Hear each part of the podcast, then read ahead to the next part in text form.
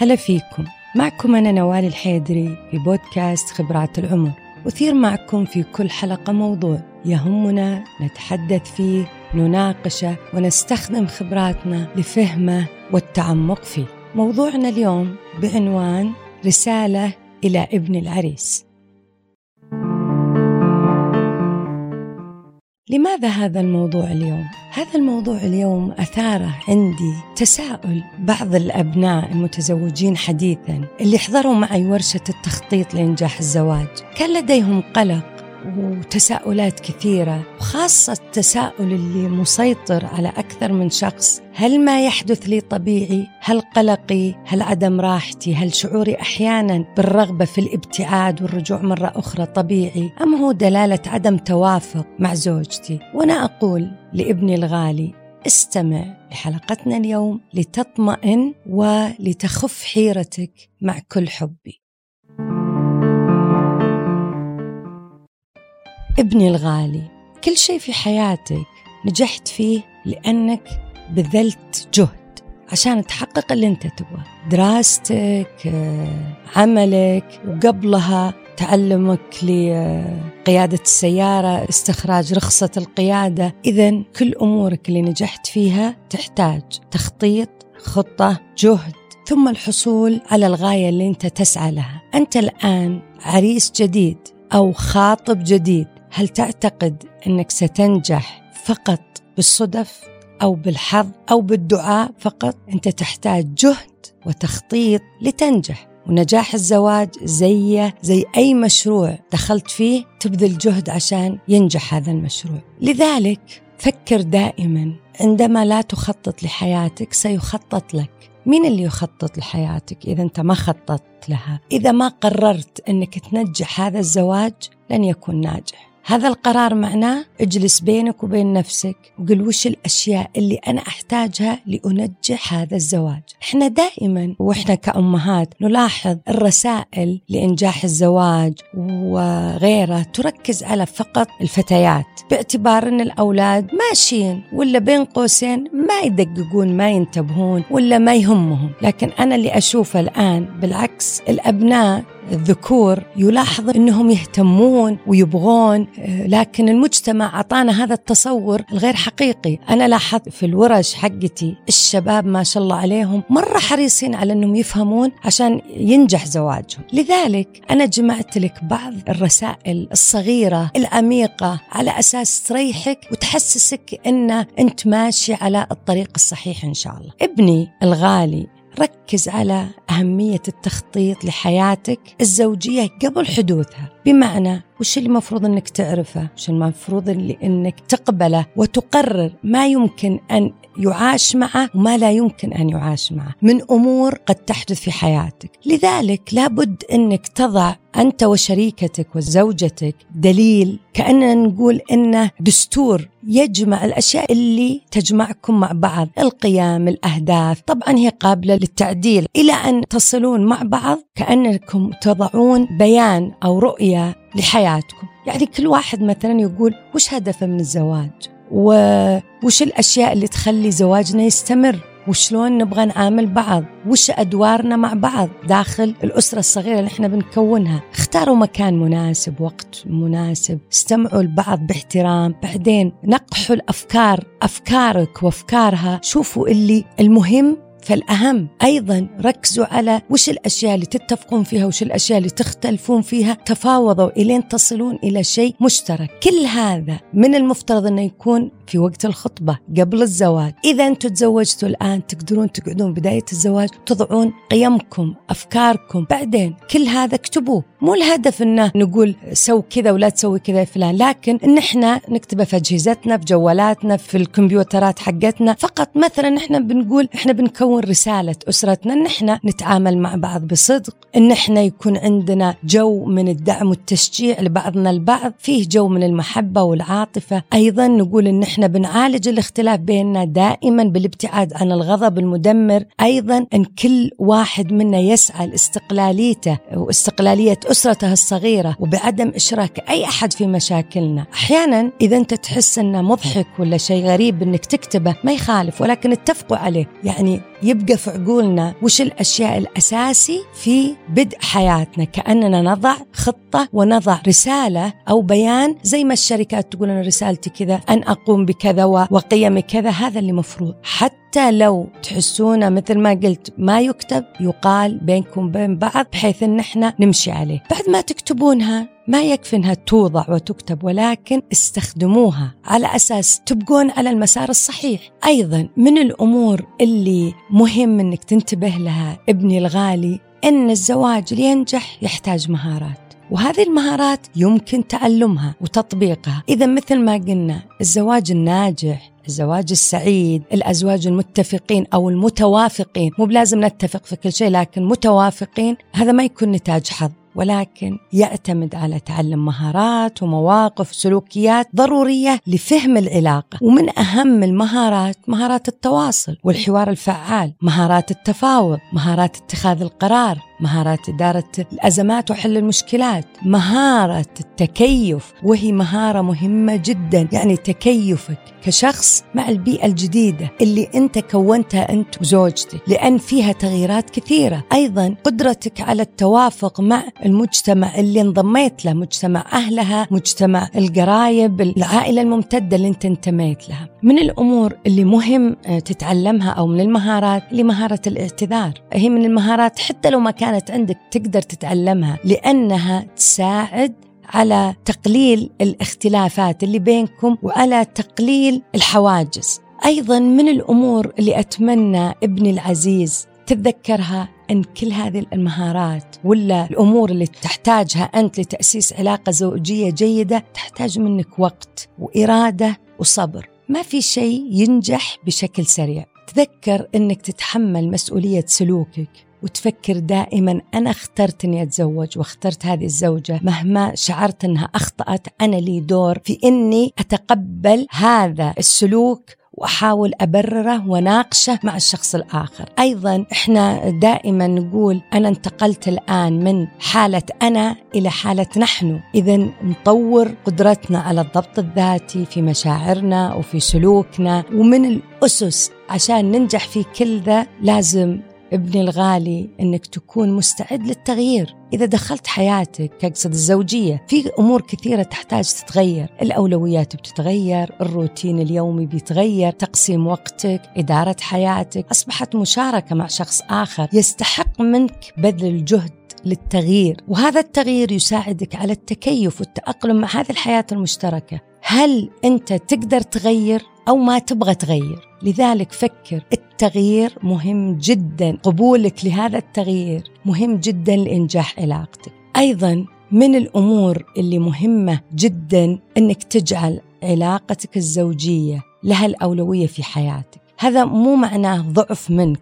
بل قرار لإنجاح هذه العلاقة. الأولوية يعني أن الزواج يعتبر له أهمية كبيرة في حياتك. إذا جعلت حياتك الزوجية وزوجتك أولوية فهذا يعني أنك تضع شريكتك أولا مقارنة بمعظم العلاقات. يعني أنك تهتم باحتياجاتها ورغباتها إلى جانب احتياجاتك. هي زوجتك شريكتك تحتاج أنكم تتعاونون فيما بينكم لإنجاح هذا الزواج، الزواج المستمر اللي يتعمر لطول العمر إن شاء الله يحتاج كل واحد منكم إلى أنه يجعل هذه العلاقة أولوية بمعنى هي الأهم من باقي علاقاتك. وطبعا عشان تخلي زوجتك لها الأولوية لابد أنك تهتم بأشيائها الصغيرة تدعمها تشعرها إنها مميزة، أيضا تكون متوازن في تقسيم وقتك بين أمور حياتك وبين زوجتك، اشعرها دائما بأنها أهم من الهوايات وأهم من الأصدقاء، مو معنى إهمال باقي الأمور أو الأشياء، لكن لابد إنه يكون لها الأولوية، أيضا من الأمور اللي مهمة جدا في إنها تشعر إن لها الأولوية إنك ما تفاجئها في اتخاذ قرار معين، ناقشها قبل اتخاذ أي من القرارات المهمة، هذا يشعرها بالحب وتقدم الحب حتى لا تشعر أنت إنها ابتعدت عنك اقترب أنت أيضا منها. ابني الغالي شعورك بالارتباك وعدم التأقلم في بداية زواجك ترى مو شيء غير طبيعي، شيء طبيعي يمرون فيه كثير من الأزواج، وهذا الشعور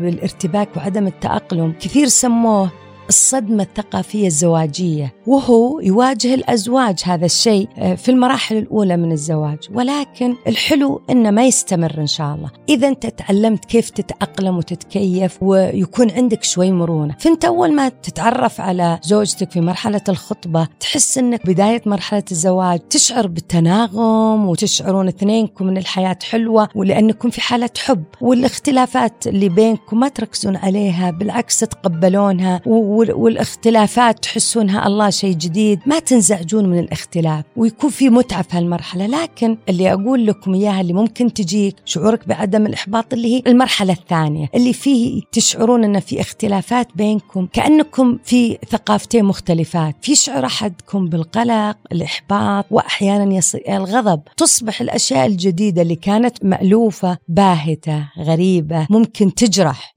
لأنك ما تعودت عليها. مثلا الارتباط الزايد تصرفات المختلفة. اللي واحد يحب يقوم بدري الثاني ما يحب. الثاني يتكلم أول ما يقوم الآخر ما يحب. فهذا يبدأ كل شخص سواء قاله للآخر ولا ما قاله يبدأ ينتقد اختلاف الآخر. ويبدأ يصير إنها يشوف هذه الاختلافات كأنها حواجز. ويشعر في نفسه بالحنين لثقافته الأصلية اللي هو الأهل الأصدقاء. يمرون بحالة نفسية الأزواج أحيانا صعبة وتقلب في المزاج لأنه يشعر بفقد الثقافة السابقة ولا الحياة السابقة. لذلك قد يصلون بعضهم لدرجة يأس يقررون فيها الانفصال ويرجع كل واحد بيت أهله. لكن هذا غير واقعي لأنك تحتاج وقت. انتبه لنفسك عط نفسك فرصة. لا تقطع علاقتك بالأهل ولا علاقتك بالأصدقاء ولا علاقتك بالهوايات ولكن قسمها صح عشان ما تشعر بهالإحباط. الناس اللي قدروا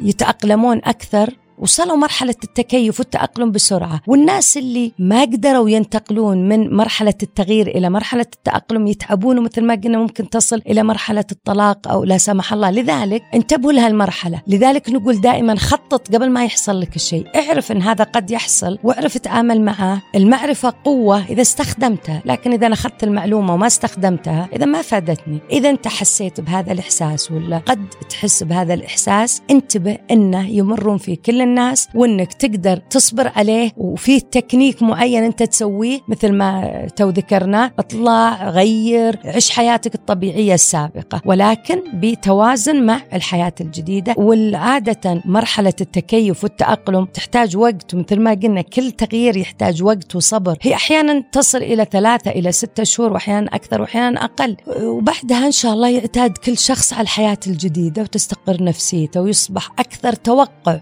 للمواقف اللي ممكن تحصل ويعرف كيف يتعامل معها. يبدأ في تقبل أساليب الزوجة بإيجابية يزداد فهمه لثقافتها واختلافها عنه وتقل حدة ردود أفعاله. إذا الوقت كفيل بإيصالك لهذه المرحلة ولكن أصبر. ودائما مدة المرحلة اللي يمر فيها الإنسان للتكيف يعتمد على استعداده النفسي وقدرته على التأقلم. ابني الغالي تقبل إنك أنت مو كامل وهي ليست كاملة. إذا كنت دائما تسعى للكمال حياتك بتفقد متعتها. ستشعر دائم بالنقص وعدم الكفاءة أحيانا. يصل بك للإحباط. هي مشاعر أني ينقصني أشياء. هي مشاعر طبيعية لكن الغير طبيعي أنها تسيطر عليك. إذا سيطرت عليك ولا على نظرتك يعني عليك بمعنى نظرتك لذاتك أو على نظرتك للشريكة وإنها ناقصها كذا وما عندها كذا كأنك رفعت سقف التوقعات وخليتها غير منطقية تفقد المتعة. لذلك تذكر أنتم بشر ممكن تخطئون ممكن ما تكونون كاملين أكيد ما أنتم كاملين. المقارنة مثلا هذه تسبب مشاكل كثيرة فأنت تقارن بوالدتك مثلا تقارن بما تشاهد في وسائل التواصل الاجتماعي. والدتك ما وصلت المرحلة اللي أنت شفتها عليها إلا مرت بمراحل كثير هذا شيء. اثنين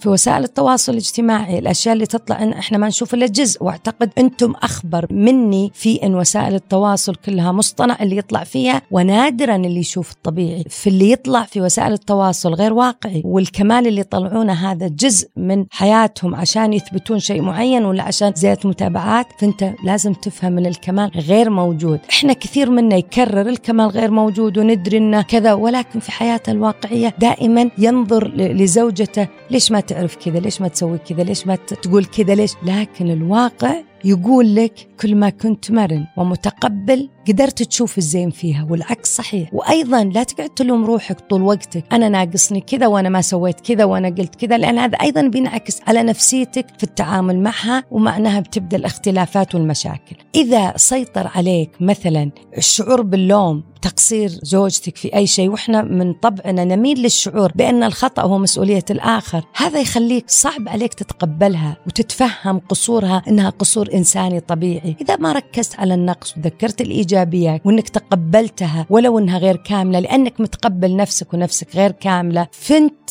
فتحت باب المحبة والتقبل لشريكتك أيضا تحبك وتتقبلك كما أنت ببعض الأخطاء فينا اثنيننا. لابد أن نفتح قلوبنا لبعض ونعود أنفسنا على الصفح والتسامح وتحمل مسؤولية التحكم بالمشاعر. ابني الغالي تعلم كيف تتحدث معها عن نفسك وتعبر عن مشاعرك. لا تجعلها تخمن. أحيانا المشكلة مشكلتك عندك مشكلة أنت في العمل سكوتك وهدوءك على أساس أنك ما تتعبها يبدأ يشتغل في مخها أشياء أخرى هل كلامي معجبة؟ هل الأكل معجبة؟ هل البيت في شيء خلاه ينزعج؟ أحيانا أنت ما تتكلم وهي ما لها دخل في المشكلة لكن هي تشعر بإنك تتجاهلها أو ما تريد إشراكها فيما يحدث لك يزداد شعورها أيضا بالتجاهل عندما تبتعد عنها لتفكر في مشكلة لك في العمل هي تتوقع منك الحديث عن كل مشكلاتك كما تفعل هي وتريد مساعدتك. انت تبتعد إلى أن تجد حل لمشكلتك وإن خرجت بعد ما ابتعدت وتقوم بأي شيء عشان تنسى المشكلة مثل إنك تكلم أحد ولا تلعب بلاي ستيشن ولا تسوي أي شيء هذا يعزز شعورها بالتجاهل. انت عارف المرأة حينما يكون الرجل في حالة انسحاب تشعر بأنه يتجاهلها لأنها هي عندما يحدث لها أي مشكلة لا تنسحب تتكلم. الأفضل اشرح لها بإيجاز ما تحتاجها الآن وما تشعر فيه وإنك اللي تحس فيه الآن بينتهي إذا أنت قدرت تتفاعل معاه وتتعامل معاه. أشعرها إنك مشركها ولكن ليس الآن. أنا الآن أحتاج أجلس بالحالي بفكر في مشكلة عندي بالعمل وبعد فترة بسولف أنا وياك. هذا إذا كانت المشكلة عندك ومن العمل مثلا لكن إذا أنت لاحظت سلوك معين وترددت في إنك تناقشه وهو جدا مزعجك وخايف من رده فعلها انه يزعجها كلامك ممكن يسبب مشكلة ولكن هو مأثر فيك. مثلا أنت حاس بالغيرة تجاه تصرف من التصرفات أو حاس بالغضب تجاه عمل هي قامت فيه. إذا أنت سكت سكت سكت بيصير يوم تنفجر وبيزيد الموضوع. لذلك ناقشة بهدوء وباحترام وبثقة. إذا في شيء داخلك تبغى تتكلم فيه. ابني الغالي نقطة لابد أن تتذكرها. افهم نفسك وخاصة نقطة الاقتراب والابتعاد. عندما تفهم نفسك وتفهم سبب تصرفاتك ترتاح وتريح. بمعنى أحيانا أنت تشعر بالحاجة لأن تبتعد وتنسحب بعض الوقت. مو بس فقط إذا احترت ولا مريت بأزمة. أحيانا من الملاحظ انه في بعض الرجال إذا شبع احتياجه من المحبة يحتاج إلى شوي من الاستقلال والحرية. اللي هذا سموه في بعض الكتب دورة المحبة الذكورية. الرجال في هذا الشعور ينقسمون قسمين. قسم منهم حساس وعاطفي وما يعرف كيف ينسحب ولا يحس بأهمية الانسحاب في بعض الأحيان لأنه يشعر بالذنب إذا ترك زوجته. يحاول أن يكون ودود ولو على نفسه يضغط على نفسه ولكن في داخله يشعر بهذه الحاجة لبعض الانسحاب حتى لو كان في أعز اللحظات. لأن من خصائص الرجال المعروفة أن الاستقلالية والحرية مرة مهمة. في بعض الرجال القسم الثاني منهم صارم وما عنده مشكلة في إنه يبتعد ويدور أي عذر لأن يبتعد. ولكن وش مشكلته؟ إنه ما يقدر يرجع مرة ثانية لأن يخاف من يكون غير جدير بمحبة زوجته. الأمر الأنسب لهذا إن شعرت بحاجتك إلى الانسحاب شوي لا تبقى وقت طويل ولا تشعر بذنب. انسحب ولكن لا تنسحب بشكل يزيد أو يزيد من استغراب أو من خوف. زوجتك. أيضا. عشان ما تخاف وتسأل وش اللي صار ولا أنا وش سويت اشرح لها دورة المحبة الذكورية وإنك تمر بشكل متعاقب ما بين احتياجك للحب واحتياجك للاستقلال وإنك بترجع بود ومحبة وقلها بطريقة على حسب ما أنت تحسها وتصلها بطريقة ما تجرحها. عشان تراعي ذلك أيضا دون أن تشعر هي بأنها فيها قصور ولا أنك تجاهلتها أو أنها سبب في الأمور اللي أنت تمر فيها. من الأمور اللي لازم تتذكرها ابني الغالي الحديث عن زوجتك أمام الآخرين مهما كانوا الآخرين يعتبر خيانة للعهد اللي بينكم وأسوأ شعور أن تجد الزوجة معلومة عنها أو أن بعض من حياتها مشاع وتشعر أن الآخرين مهما كانوا قريبين منك سواء أهلك أو أحد من أقرب أصدقائك يعرفون عنها بعض التفاصيل. هذا يعطيها إحساس أنها غير آمنة وتنعدم الثقة فيك كزوج بمصدر للأمان. لأنك ممكن تقوم بنقل معلومات يمكنها مشاكل يمكن هدفك استفسار لكن هذا جدا جدا يجرح. لذلك حلو أنكم تتناقشون وش الأمور اللي تحبون مشاركتها مع الآخرين حتى لو ما كانت مخجلة ولا خاصة والأمور اللي ما تحبون تشاركونها. مثلا حياتكم عم حياتكم مع بعض والمشكلات والأسرار اللي يعرف يعرفها كل منكم عن الآخر. مو كلها كل الناس يحبون أن نشاركها. في ناس حتى الحالة الصحية ما يحب يشاركها لأحد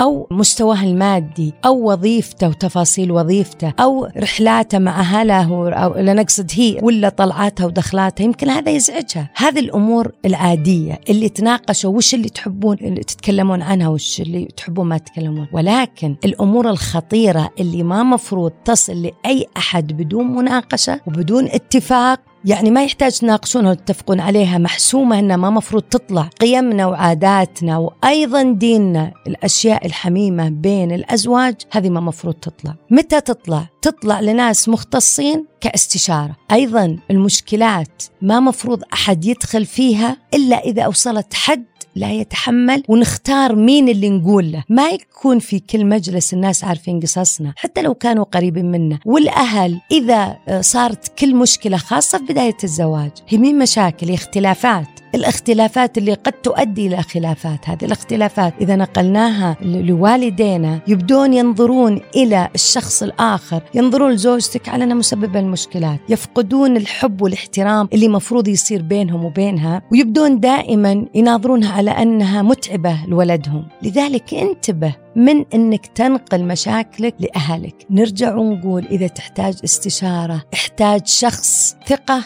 ومن الأفضل يكون مستشار أو مختص على أساس إنه ما يكون يتكلم بعاطفة ولا يتأثر بإنك بالقرب منك يعني.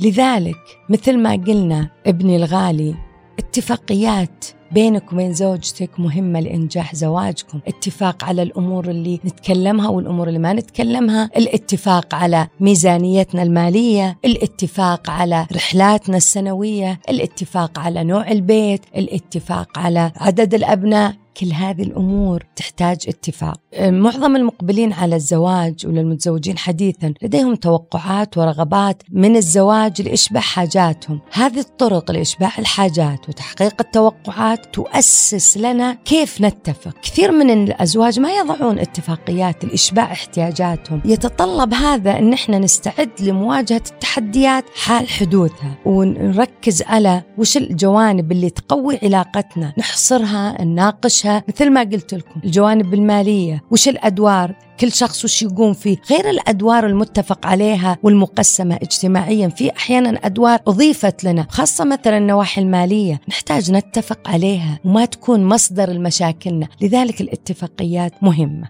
ابني الغالي من الرسائل المهمة اللي حابة أقولها لك العلاقة الحميمة الجيدة تحتاج تواصل جيد ومقدمات مناسبة لتكون علاقة حميمية مشبعة لكلا الطرفين. لذلك نبدأ من بداية الزواج. في بداية الزواج في أحيانا تكون أمور تفكر فيها مقلقة وتسيطر عليك. في بداية العلاقة الحميمة حاول إخراج كل الأفكار اللي تضغط عليك. الذهن المتوتر يوتر أعضاء الجسم يمنعه من استقبال الرسائل الحسية. لذلك لابد من قدر من الاسترخاء العقلي والجسدي لتستطيع إقامة العلاقة الحميمة بشكل مشبع. أيضا لا تستعجلا العلاقة. كلاكما يحتاج التهيئة والاسترخاء بعد الجهد اللي بذلتوه في بداية الزواج. تحتاجون تعودون على بعض كسر الحاجز النفسي وخاصة للزوجة. خلها تتعرف عليك أكثر. شاركها آمالك أحلامك رغباتك احتياجاتك. اجعل الفترة الأولى من الزواج عاطفية رومانسية أكثر من أنها جنسية. العلاقة الحميمية تحتاج إلى تناغم تكامل وما يجب أن يستمتع طرف والطرف الآخر يعاني أو يتألم. في بعض النساء تعاني من الألم خلال العلاقة إذا كانت بدون استعداد وتهيؤ وإذا كانت المرأة في حالة جسمانية غير ملائمة. لذلك أيضا هي تحتاج استرخاء عقلي وجسدي. أنا أعرف الأزواج والزوجات لديهم حيرة وخوف لذلك من المناسب الدخول للزواج. والعلاقة الحميمية بروح الصداقة بينكم والاهتمام بالتعلم والوعي للوصول للمتعة معا. تعرفوا على الاختلاف بينكم بين الرجال والنساء في العلاقة الحميمية. الأشياء المنتشرة والأفكار المغلوطة لا تأخذها كما هي. النساء مختلفين عن الرجال. المرأة لا تستثار ولا تتقبل العلاقة بشكل بصري. تحتاج كلام عاطفي تحتاج راحة لتقبل وترتاح وتسترخي. لذلك ابحثوا عن هذا الموضوع الاختلاف بين الرجال والنساء في العلاقة الحميمة. هي تحتاج وقت تحتاج الاهتمام بالطريق للوصول إلى العلاقة الحميمة. قد يكون أنت عزيزي وابني تهتم اولا بالعملية ثم ما بعد العملية، المرأة العكس ولا تستخدم العلاقة لإرضائها ولا تستخدم العلاقة طريق للاعتذار، تذكر المرأة مختلفة عنك في هذا الموضوع. ابني الغالي من الأفكار المنتشرة والمغلوطة عن العلاقة بين الرجل والمرأة وخاصة في بداية الزواج لا تستمع لها لا تشاورها لا تتأثر بكلامها. وأنا أقول لك لا تخاف منك تستمع لها. وما يحتاج تتخذ موقف أو قرار أو حل فقط استمع لها لتفهمها. مو ضروري أنت تتأثر باللي قالته ولا تتبنى رأيها ولا توافق عليه فقط المرأة الكلام مهم بالنسبة لها. مو حكاية ثرثرة ولا تاخذها بالمنتشر هي فقط تثرثر. المرأة ربي خالقها عندها المشاركة في المشاعر من أسس شخصيتها مهما كانت. عندما تتضايق تشعر بالرغبة في الحديث عن مشاعرها وما يزعجها. إذا تحدثت عن مشكلاتها وهي منزعجة لا تشعر أنها تلومك أو تحملك المسؤولية. هي إذا تحدثت بألم أو حزن أنت قد تشعر أنها تريد نصيحة لكن هي لا تلومك ولا تحتاج نصيحة. تحتاج فقط لأن تنتبه لها. هي ممكنها ما تنتبه الأثر ما تقوله عليك. وممكنها تتكلم عن المشكلات بشكل متداخل و وما تتحدث فيها بالترتيب على حسب أهميتها ولكن تتكلم فيها على حسب تأثرها. إذا كانت متضايقة تتضايق من كل شيء وما تكون هي مهتمة بالعثور على حلول مشكلاتها الآن هي تشعر بالإحباط إنها لم يستمع لها ولكن أنت لا تشعر بالإحباط إذا ما وجدت حل. هي ما تبغى حل هي تشعر بالراحة عند التعبير عن نفسها وتشعر بالراحة أكثر إذا أنت فهمتها. الفهم فقط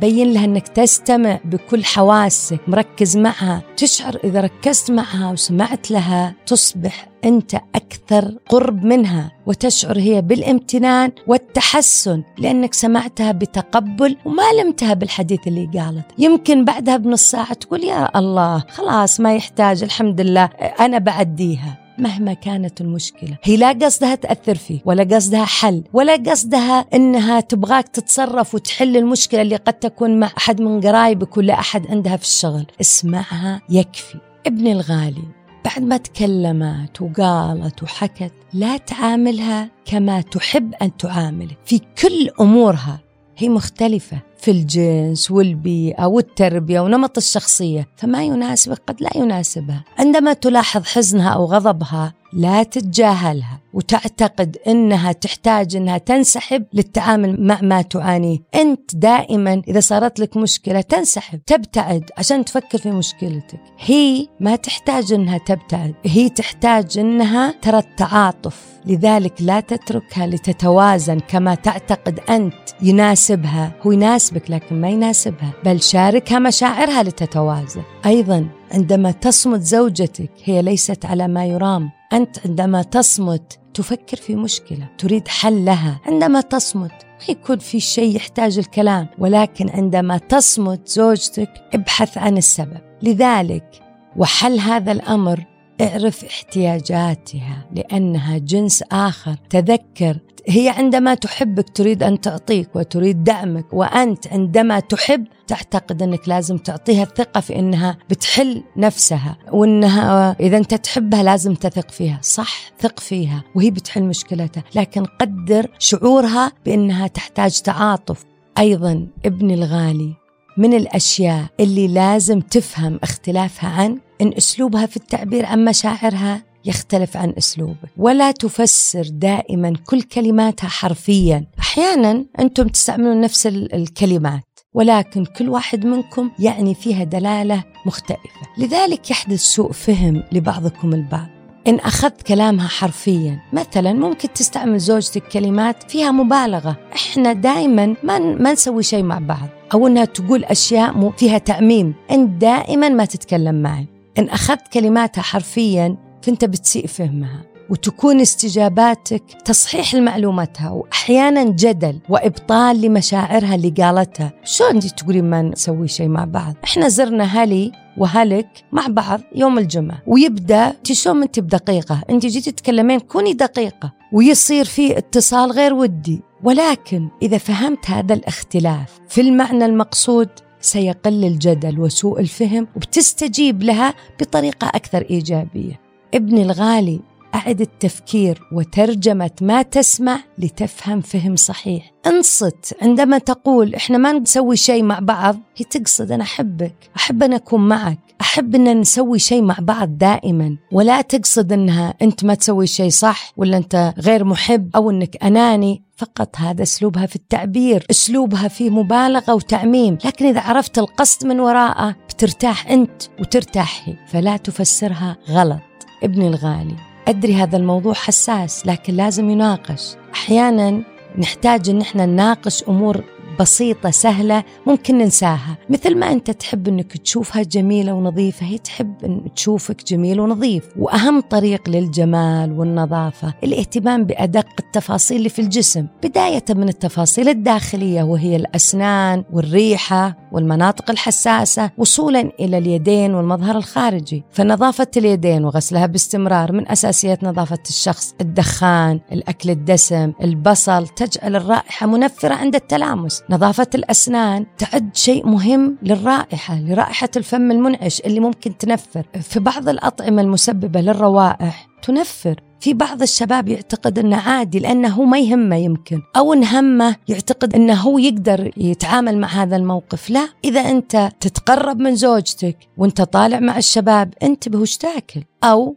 انتبه إنك لا تتقرب. فهذا منفر وفكر فيها. وهذا مو كسر في شخصيتك ولا ضعف فيها ولكن اهتمام بالآخر. أيضا نظافة باقي الجسم تغيير الملابس اللي أنت بتجلس جنبها فيها استخدام العطورات اللي تتقبلها. تذكر العطورات قد تنفر وقد تقرب الروائح اللي أنت تستخدمها. لذلك لابد من مناقشة هذه الأمور وفهمها. أيضا تذكر أن الألفة واحترام الشخص وجعله من الأولويات الاهتمام بها. هذه الأمور. ابني الغالي، رسالتي الأخيرة تذكر أهمية عدم التدخل في علاقة زوجتك مع أمك. اولا لا تتوقع إنهم يحبون بعض بقدر ما تحبهم أنت.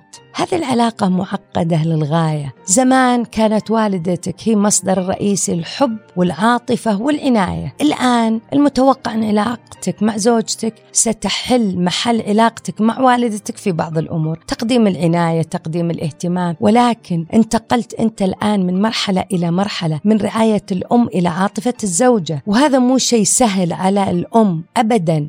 ولكن نوع الحب مختلف. لذلك إذا كانت جميع الأطراف عاقلة سيمر الموضوع مرور الكرام والعكس صحيح. طبعا إذا لم تحترم والدتك زوجتك ولا زوجتك تحترم والدتك سيكون هناك وضع صعب. لذلك انتبه أنت أنك تدخل وتحاول توقف مع أحد ضد أحد. لابد أنه يكون فيه عدة أمور أنت تفكر فيها. لا تبالغ في توقع الانسجام. تقبل حقيقة أن زوجتك وأمك ليسوا كاملين وأنه مهما أحبوك ليس من الضروري أنهم يحبون بعض. تذكر أن اللي أنت تحبه ممكن ما تحبه زوجتك في قضاء الوقت باستمرار مع أهلك ممكن يسبب لها مشكلة ولكن اقضي وقت مع أمك ومع زوجتك كل واحدة على انفراد. تقبل مشاعر أمك عندما تنفصل عنها وأيضا تقبل أن زوجتك لا تستطيع أن تقضي الوقت نفسه مع أهلك تذكر أن مفروض ثنتينهم يبذلون جهد للتوافق عشان محبتهم لك.